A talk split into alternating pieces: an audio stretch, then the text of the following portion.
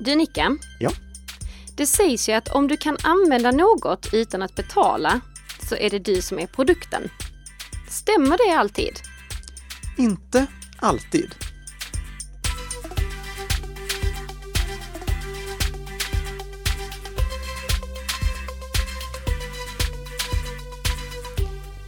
Morgon, god morgon Nika! God morgon, god morgon Tess och god morgon, god morgon alla våra fantastiska lyssnare som så här på fredagsmorgonen som vanligt tunar in Bli säker-podden som produceras i samarbete mellan Nika Systems och Bredband2.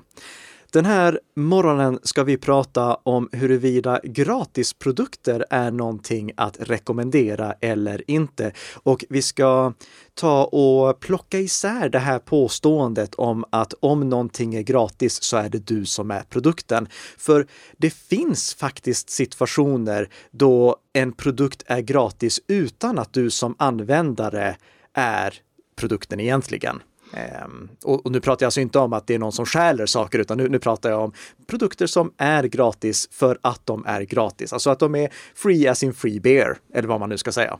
Mm, mm. Innan vi går in på veckans huvudämne så ska vi såklart avverka veckans snabbisar.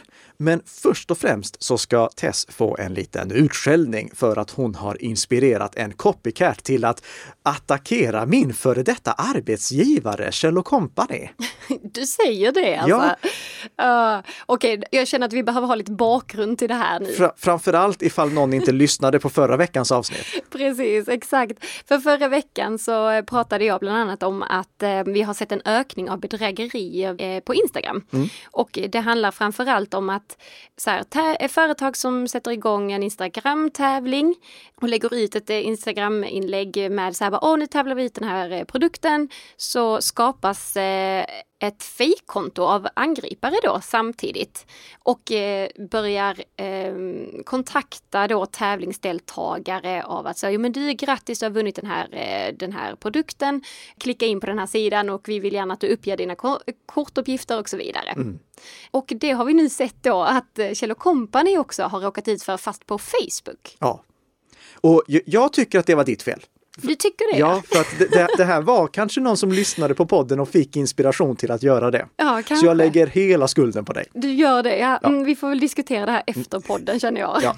Men tänk på det här kära lyssnare, det är alltså ett, eh, ett stort problem nu och det är bevisligen någon som har siktet inställt på svenska företag i och med att vi mm. ser liksom företag på företag drabbas av det här. Det är inte någonting som företagen kan göra något åt, utan du som deltar i tävlingar måste vara extra observant. Och med det sagt, låt oss gå in på veckans snabbisar. Och det har ju varit den här dagen. Dagen som alla längtar efter varje månad. Är det verkligen så? Ja, är det patch-tisdag vi snackar om? Det var patch-tisdag i tisdags. Och den här patch-tisdagen, då åtgärdade Microsoft 82 stycken sårbarheter, varav 10 stycken var kritiska och eh, enligt Bleeping Computer så var det dessutom två stycken nolldagars sårbarheter. Alltså sårbarheter som redan används i aktiva attacker. Mm -hmm. Och av den anledningen så rekommenderar jag som vanligt våra lyssnare att installera de här uppdateringarna snarast möjligt. Det finns uppdateringar för Windows, det finns uppdateringar för Office-programmen. Mac-uppdateringarna till Office-programmen är dock inte släppta när vi sitter och spelar in det här, men det står i Microsofts detaljer kring de här uppdateringarna att de är på gång. Så det kommer uppdateringar till Mac-versionerna av Office-programmen också. Mm. På Adobe-fronten, där var det lite mer skralt. Adobe åtgärdade åtta stycken sårbarheter, varav fem kritiska. Och en av sårbarheterna berörde Creative Cloud-programmet på Windows. Du vet eh, det här programmet som används för att installera och uppdatera alla Creative Cloud-programmen. Mm. Där var det en sårbarhet. Så där finns det en uppdatering för Windows och det finns faktiskt en uppdatering för MacOS också, även om MacOS-versionen inte hade den här sårbarheten. Och den fixar bland annat så att, någonting som jag har stört mig väldigt mycket på, att ikonen i menyraden på MacOS Big Sur får rätt färg. För den har haft fel färg tidigare. Jag, och jag, jag var tvungen att installera ett tillägg för att dölja menyikoner för att få bort den felaktiga färgen. Så det, det tackar jag Adobe för att ni har åtgärdat också. Mm. Sist men inte minst Apple, de eh, har också släppt en säkerhetsuppdatering. De, de brukar ju inte följa patch-tisdagen, men förra månaden gjorde de det och nu släppte de nästan i samband med patch-tisdagen en säkerhetsuppdatering till MacOS Big Sur som åtgärdar en eh, kritisk sårbarhet i WebKit, alltså webbrenderingsmotorn som används i bland annat mm. Safari. Den är viktig att installera omgående så att inte den kan utnyttjas. Och eh, Apple har också släppt uppdateringar till Safari för MacOS Mojave och MacOS Catalina. Så att det går att fortsätta använda Safari säkert där. Äldre versioner av MacOS som då till exempel MacOS eh, High Sierra mm. uppdateras inte, får inte Safari-uppdateringar och vi har ju sagt att du ska sluta att använda MacOS eh, eh, eh förlåt, MacOS High Sierra, High Sierra mm. och eh, tidigare. Fick lite hjärnsläpp där. Ja. ja, tack så mycket. Vi har varandra här. Mm. Det var eh, veckans eh, patch-tisdag-uppdateringar. Mm. Vi ska prata om en till uppdatering dock. Och det här är en uppdatering som vi normalt sett inte berör. För vi fokuserar ju framförallt på medarbetare och privatpersoner i den här podden. Vi pratar inte till IT-avdelningar specifikt. Det här är ju information som kommer till nytta på IT-avdelningar, men vi pratar inte med dem som underhåller servrar och liknande. Det är inte det som är vår huvudsakliga målgrupp i det vi rapporterar kring. Kommer du göra ett undantag nu alltså? Nu kommer jag att göra ett undantag mm. och det innebär inte att vi kommer ändra målgrupp för den här podden utan det innebär bara att vi har en så allvarlig brist som berör så många att vi måste lyfta upp det. Så ifall du eh, kanske jobbar på ett mindre bolag och frivilligt eller ofrivilligt har fått ansvar för alla servrar, lyssna upp nu. Förra veckan, då tillkännagav Microsoft sju stycken sårbarheter i Exchange som alltså är eh, deras mailserver. De akutpatchades. Det, här släpptes alltså uppdateringar för att åtgärda dem, inte i samband med patch-tisdagen som brukligt, utan de släpptes akut för att de här sårbarheterna användes i aktiva attacker. Och problemet här det är ju att den som ansvarar för Exchange-servern måste se till att installera dem. Om de här sårbarheterna kan utnyttjas, det vill säga uppdateringarna inte är installerade, då kan en angripare köra kod på servern, använda servern för att komma vidare in i nätverket och även komma åt mejl som finns på den här servern. Aj då. CertSE, som är en del av MSB, de har eh, publicerat information om det här på sin webbplats. Vi lägger med en länk dit. De skriver också det här som är väldigt viktigt att ha i åtanke. CERT-SE vill understryka att det inte är tillräckligt att endast installera säkerhetsuppdateringarna. Alla verksamheter bör även undersöka sina system efter tecken på intrång. CERT-SE ser det som sannolikt att sårbarheterna kommer utnyttjas riktat mot svenska verksamheter och tar tacksamt emot information om fall där så skett. Mm. Det här innebär alltså att om du var en organisation som kan har varit intressant att attackera innan de här sårbarheterna blev publikkända, då kan du redan vara infekterad. Och ifall det nu har gått flera dagar utan att du har installerat säkerhetsuppdateringarna, alltså att du inte gjorde det direkt som Microsoft gjorde de här uppdateringarna tillgängliga, då kan angriparna ha infekterat servern och upprätthålla en bakdörr till den så att de kan fortsätta komma åt den även om du installerar säkerhetsuppdateringarna. Så om du har en egen Exchange-server och inte patchade direkt, skanna igenom servern efter potentiella bakdörrar. Microsoft har släppt ett verktyg för det här som vi länkar till också som du kan använda. Och om du känner dig osäker, rådgör med din IT-partner för att få hjälp med att veta vad du behöver göra. För det här är alltså ett stort problem. Jag skulle också uppmana alla som är ansvariga för IT-säkerheten i sin organisation att prenumerera på ZSCs blixtmeddelanden. För de skickar ut mejl till den här blixtmeddelandelistan när det är någonting sånt här akut som behöver fixas. Det här är alltså inte någonting som vanliga lyssnare behöver bry sig om, men om du ansvarar för IT-säkerheten i din organisation, se till att prenumerera på den här listan så att du får de nyheterna direkt som ZSE pushar ut informationen om dem. Mm. Bra information. Ja. Mm.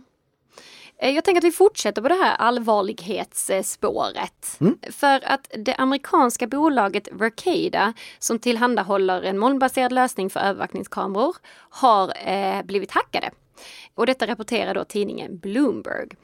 Angriparna uppger att eh, de ville visa hur sårbara övervakningssystemen är och attacken resulterade i att gruppen fick tillgång till över 150 000 kameror som bland annat fanns på sjukhus, skolor, polisstationer, företag, gym och fängelser. Så lite överallt helt mm. enkelt. Angriparna fick tillgång till Vercada via ett eh, så kallat så superadmin-konto genom att, att, att, ha hittat ett användarnamn och lösenord för ett administratörskonto publikt tillgängligt på internet. Angriparna fick på så sätt tillgång till då Vercadas eh, kunders kameror och bland annat så kunde de ta del av videos från hälsokliniker, psykiatrisk vård och vissa kameror använder även sån här ansiktsigenkänningsteknik för att identifiera personer som fångats på bilderna, vilket då angriparna också kunde ta del av. Efter att Bloomberg har eh, kontaktat Vercada så förlorade angriparna åtkomst till kamerorna och eh, då allt eh, arkiven liksom och vad det innehåller. Ja. Visst är det en stor suck? Verkligen. Ja. Verkligen. Och det här är ett ypperligt tillfälle för mig att säga Why would you put that on the internet? Ja, precis. Nej, nej, men det finns ju molnbaserade kameraövervakningssystem och jag ska inte döma ut alla dem för att vi ser många problem med eh, lokala kameraövervakningssystem också. Självfallet blir konsekvenserna av en attack mot ett lokalt kameraövervakningssystem, alltså sånt som inte är anslutet till internet, mycket mindre till omfattning för att det drabbar inte mm. lika många. Men eh, det är svårt att konfigurera sådana korrekt också. Så det finns risker med att använda lokala system, det finns risker med att använda molnsystem om jag skulle säga någonting om Vercada så är det här ytterligare ett exempel på att de inte har eh, ändamålsenliga åtkomstkontroller. Mm. Det, det, alltså det här är nämligen inte första gången som jag hör om dem.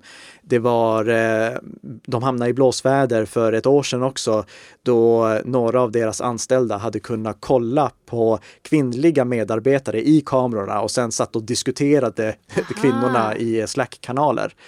Eh, så, så, vi har ett tydligt exempel här på att de som eh, har satt upp åtkomstkontrollerna hos Vercada, de har inte gjort det tillräckligt väl. Det är mm. för spritt vem som har åtkomst till vad.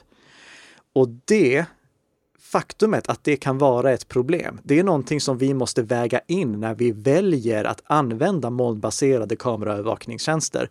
För vi måste ju trots allt lita på att de som har konfigurerat backend-delen mm. har gjort det korrekt och att de som jobbar där inte har åtkomst till saker som de inte ska ha åtkomst till. Och sist men inte minst att inte ett superadmin användarnamn och lösenord hamnar på internet. Alltså, det, det, oh. det, det här är så pinsamt och det, det är jobbigt pinsamt i och med att de som är kunder till Vercada och liknande tillhandahållare av tjänster, de har ju inte möjlighet att klampa in och göra egna analyser av hur det ser ut i Vercadas och konkurrenternas verksamheter. Nej, såklart. Men här vill jag då ytterligare en gång lyfta det som vi pratade om i förra podden, nämligen tredjepartsanalyser och tredjepartsgranskningar. Mm. Här är det jättebra ifall den som tillhandahåller en molntjänst genomför tredjepartsgranskningar, för då kan de ändå visa det för kunderna och säga kolla här, vi har genomfört tredjepartsgranskningar. Här har vi felen som vi hade gjort. För kom mm. ihåg som jag sa, det, mm. det, det, kommer finnas fel i dem. Absolut. Och det, så här har vi åtgärdat dem. Det här är så vi jobbar. Mm. Det är det bästa en sån här tredjepartstjänst tillhandahållare kan göra för att vinna förtroende hos kunderna. Och jag skulle säga det är någonting som kunderna också kan fråga om. Det kan vara en del i upphandlingen. Har ni gjort någon tredjepartsgranskning så att vi kan lita på den här tjänsten? För själva finns det inte någon möjlighet att eh, gå in och kolla hur Nej, det ser ut där. Ja. Mm. Med det sagt, veckans huvudämne ja. är gratis gott, alltid. Mm. Eller hur är det? Hur är det? ja. ja, precis. Det, Conny, han skrev en fråga till dig och mig Tess. Mm. Och först så fick vi lite beröm för att Bli säker-podden kanske är den bästa podden av alla. Åh, vad trevligt. Tack Conny. Tackar vi för. Och sen så var det lite frågor kring en av de tjänsterna som vi har rekommenderat, nämligen Signal. Mm. Det verkligen är rimligt att den är gratis. Mm. Och eh, så pratade jag lite med Conny och så började vi diskutera de här sakerna. Du vet påståendet om du inte betalar för något är det du som är produkten. Och om det låter för att vara bra för att vara sant så är det för bra för att vara sant. Mm, just det. De eh, sakerna upprepas ofta som mantran, som om de gällde i alla sammanhang. Mm. Men det gör de inte. Och jag tänkte därför att vi nu i det här avsnittet kollar på olika tjänster som är gratis och så funderar vi över varför de är gratis och vad det innebär för oss. Mm. Och det finns självfallet mycket fler tjänster än de som vi lyfter nu. Nu har jag och Tess bara valt ut några tjänster för att representera olika typer av affärsmodeller och affärsmodellernas påverkan på konsumenterna. Absolut. Så ifall ni har fler funderingar på tjänster och varför de är gratis så är kommentarsfältet öppet på Nika Systems webbplats. Ni kan gå in där och kommentera och ställa era frågor. Ni kan också diskutera i kommentarsfälten på sociala medier. Men låt oss börja med eh, ett, eh, om vi ska liksom ta ytterligheterna, låt oss ta ena ytterligheten först, för den är väldigt enkel. Facebook och Twitter, varför är Facebook och Twitter gratis? Mm. Jo, för att där är du produkten. Där är det det här klassiska, om du inte betalar för någonting så är det du som är produkten. Och ett bevis på det, det är ju supporten. Försöka få kontakt med Facebooks support eller Twitters support som vanlig användare. Det Nej, kan det är kört. Ja. Uh. Och om du är annonsör, mm. då kan du få hjälp med det. Mm, absolut. För då, då, är du ju en kund där. Men som, eh, som vanlig användare, då är du mm. bara en del av produkten som Facebook och Twitter säljer. Det här kan låta väldigt cyniskt och jag vill poängtera, jag menar inte det som någonting strikt negativt. För Facebook hade aldrig kunnat få den här otroliga sammanslutningen av i princip världens befolkning mm. om det inte hade varit gratis. Precis. Så det är ju en fördel för oss på, på ett sätt mm. att det är gratis, för det gör att vi kan kontakta alla. Det hade inte gått att nå alla via ett och samma sociala medie ifall det hade kostat typ 50 kronor i månaden. Mm. Då hade inte Facebook fått samma genomslag. Så jag säger inte att det är dåligt på grund av att vi är produkten, men vi ska vara medvetna om att vi är produkten. Vi är ögonen som Facebook kan sälja annonser för. Och här är väl samma sak för gratis eh, e-posttjänster. Du tänker på eh, Gmail och Precis. Outlook.com. Exakt. Ja, det, eh, Gmail och Outlook.com har ju annonser i privatpersonsversionen och det är exakt samma sak där. Att eh, om du använder den tjänsten gratis så är det för att då kan eh, antingen Gmail, eh, Google då, eller Microsoft sälja annonser mm. till dig. Mm. Eller för dina ögon. Precis, exakt. Men hur är det då med om vi säger typ Microsoft eh, Windows och Mac OS? Mm. Förr i tiden så kostade uppdateringarna av Windows och Mac OS.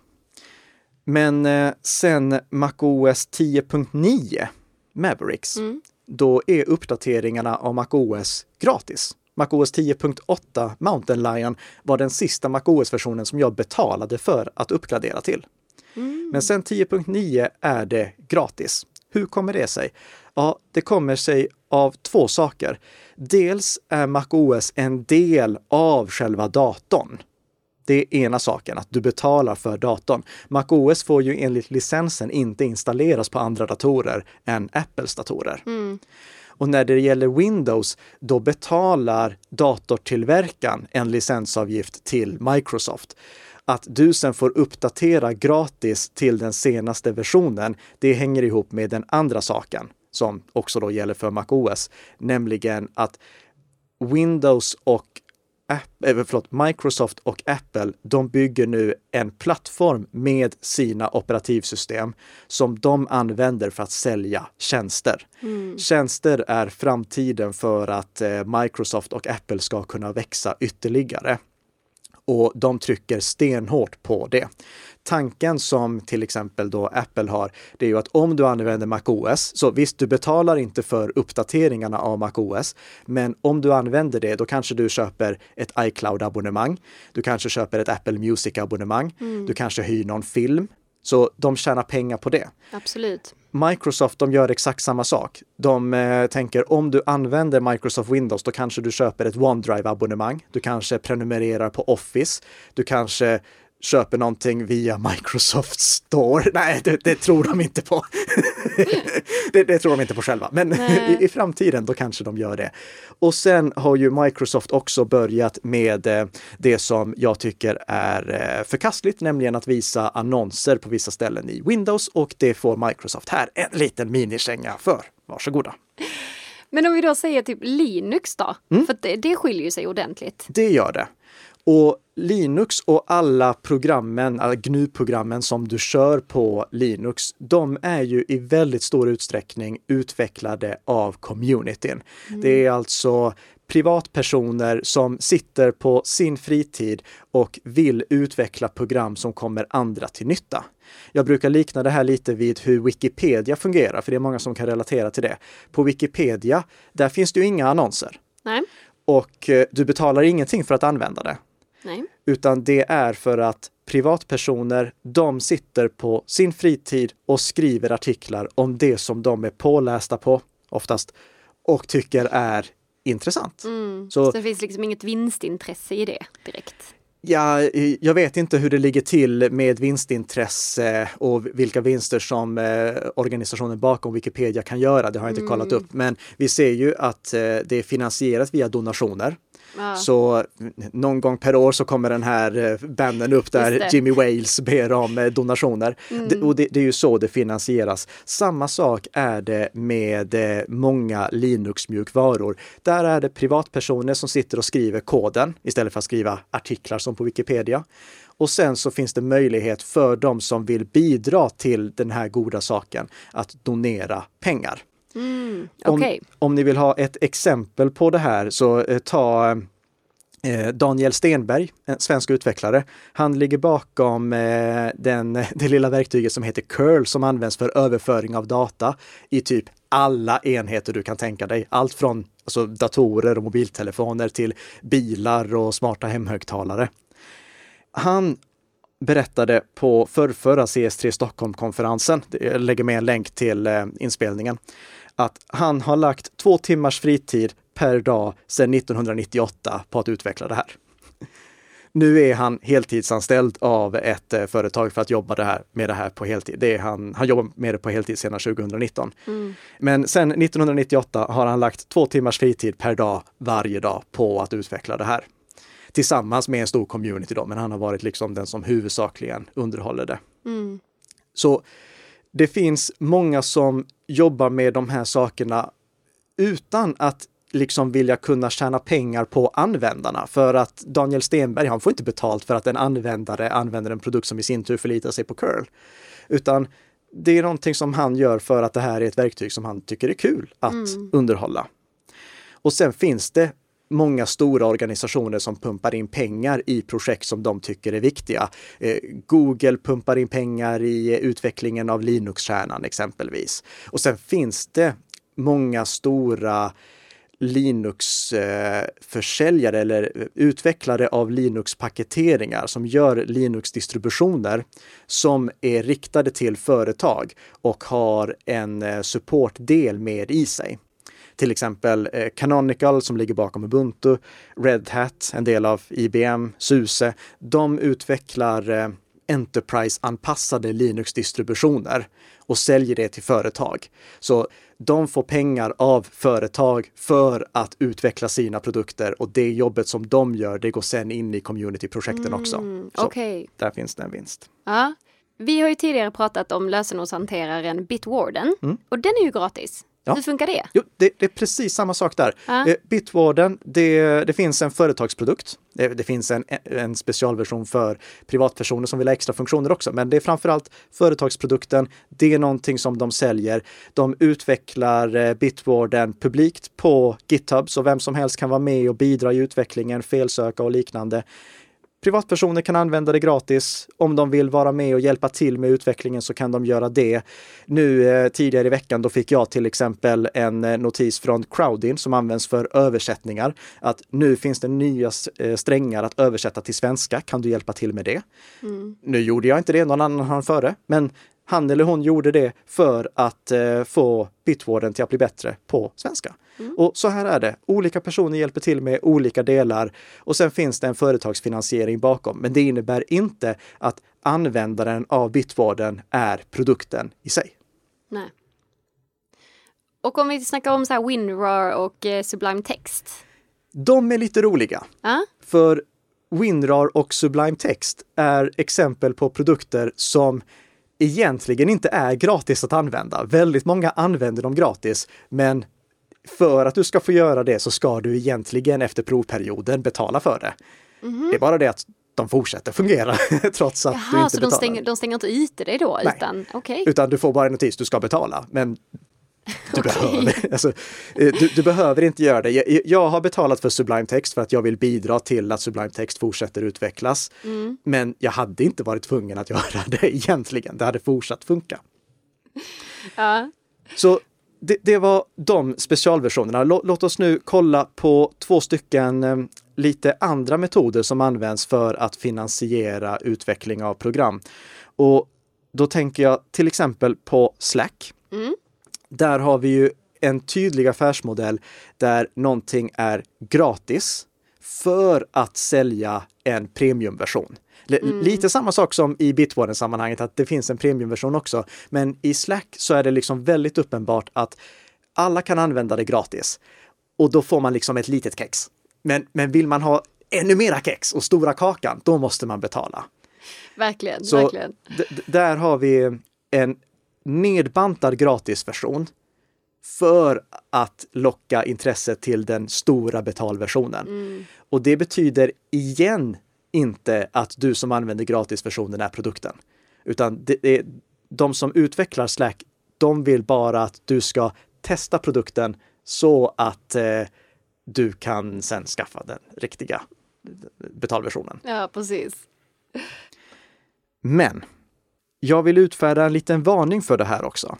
Och det är att bara för att du ser att affärsmodellen är att du ska välja deras premiumprodukt. Någon erbjuder en eh, gratisversion och så har de en premiumprodukt. Det betyder inte att det är den enda affärsmodellen de har. Låt oss ta mm, antivirusprogrammen Avast och AVG som exempel. Mm. De har en gratisversion och så har de en betalversion. Och gratisversionen är till för att sen locka användaren eller i det här fallet skrämma användaren till att köpa betalversionen så som jag har gnällt på tidigare. Mm. Men de hade också en annan affärsmodell, nämligen att om du har gratisversionen, då passar de på att sälja dina surfvanor också till sitt dotterbolag. Jaha, mm. oj! Så bara för att du har hittat en affärsmodell betyder inte det att det är den enda Nej, affärsmodellen som det här eh, bolaget bakom produkten har. Mm. Det mm. måste du ha i åtanke. Okej. Okay. Men hur är det då? Jag tänker, vi knyter ihop säcken här, ja. Mika. Signal. Mm. Hur kommer det sig att Signal är gratis? Ja. ja. Signal, det är väldigt enkelt. Det finansieras av donationer. Så man kan säga, det är inte gratis, det är bara frivilligt att betala. Mm. så om du vill betala för Signal så får du jättegärna göra det. Det finns en donera-knapp i appen som du kan klicka på för att donera. Ursprungligen så finansieras det eh, av bland annat eh, Freedom of Press Foundation. De sköt in startkapital så att det skulle komma igång. Skillnaden nu då mellan Signal och till exempel Sublime Text, det är att du får använda Signal helt gratis även licensmässigt. Mm. Eh, Sublime Text och Windrar, de tänker väl att det är bättre att vi låter några gratisanvändare snylta på den här produkten än att de använder en konkurrent. Men med Signal och med väldigt många andra Linux-applikationer och liknande, då är det gratis rakt upp och ner. Och om du vill bidra till att den här produkten utvecklas vidare, att den blir ännu bättre, mm. då kan du trycka på donera-knappen för att hjälpa till. Men du behöver inte vara orolig för att du skulle vara en produkt som Signal tjänar pengar på för att eh, du använder deras tjänst Utvecklingen den sker på GitHub, så vill du bidra där så kan du göra det. Och jag tror också, nu har jag inte kollat upp det här, men jag misstänker att det finns många organisationer som också bidrar både med kod och eh, med finansiella resurser. För att signalprotokollet, det används ju av många av Signals konkurrenter också. I och med att Signal liksom har visat, så här löser vi end-to-end krypterade meddelandetjänster, så är det mm. ju det som eh, till exempel Microsoft använder för end-to-end kryptering. Facebook använder det för end-to-end kryptering. Google använder det för end-to-end kryptering och när sådana här jättar har nytta av ett protokoll, då brukar de bidra till utvecklingen av det också. Så varför är det gratis? Ja, för att eh, snälla personer har donerat pengar och snälla personer lägger ner massa tid på att utveckla det. Mm. Men det är supernyttigt att reflektera över det. Oh ja! Och eh, det, jag gillar verkligen den här frågeställningen. Det var därför mm. som vi tog och lyfte upp liksom, veckans fråga till att bli veckans huvudämne. Den är jätteviktig att reflektera över. Gör jättegärna det. Fortsätt att ifrågasätta varför någonting är gratis. För ibland händer det ju mm. att du är produkten när tjänsten är gratis. Vill du att vi diskuterar fler exempel? Skriv jättegärna i kommentarsfälten så tar vi och svarar antingen där eller lyfter upp det i en kommande podd om vi anser att det finns ett stort allmänintresse kring det. Skriv också jättegärna en recension om den här podden på till exempel Apple Podcast, för då blir Tess jätteglad. Och när Tess är glad, då blir jag också glad.